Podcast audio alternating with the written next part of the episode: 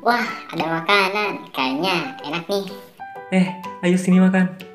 Haha, kalau soal makanan mah aku nggak bisa nolak. Eh, makanannya jangan dipegang dulu.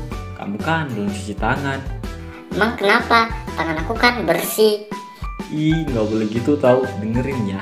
Dalam hadis dari Aisyah radhiyallahu anha, beliau berkata, Rasulullah Shallallahu Alaihi Wasallam jika beliau ingin tidur dalam keadaan junub, beliau berwudu dahulu dan ketika beliau ingin makan atau minum, beliau mencuci kedua tangannya. Baru setelah itu beliau makan atau minum. Hadis riwayat Abu Daud. Oh, gitu ya. Oke deh, aku cuci tangan dulu. Eh, eh, eh. Cuci tangan tidak boleh sembarangan. Nih, aku kasih tahu 5 langkah mencuci tangan menggunakan sabun. Yang pertama, basahi seluruh tangan dengan air bersih mengalir. Yang kedua, gosok sabun ke telapak tangan, punggung tangan, dan sela jari. Dan yang ketiga, bersihkan bagian bawah kuku. Yang keempat, bilas tangan dengan air bersih mengalir. Yang kelima, keringkan tangan dengan handuk bersih atau tisu.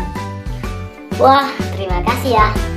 Oke, mulai sekarang mari biasakan 5 langkah mencuci tangan sebelum makan agar tangan kita tetap bersih dan terhindar dari kuman,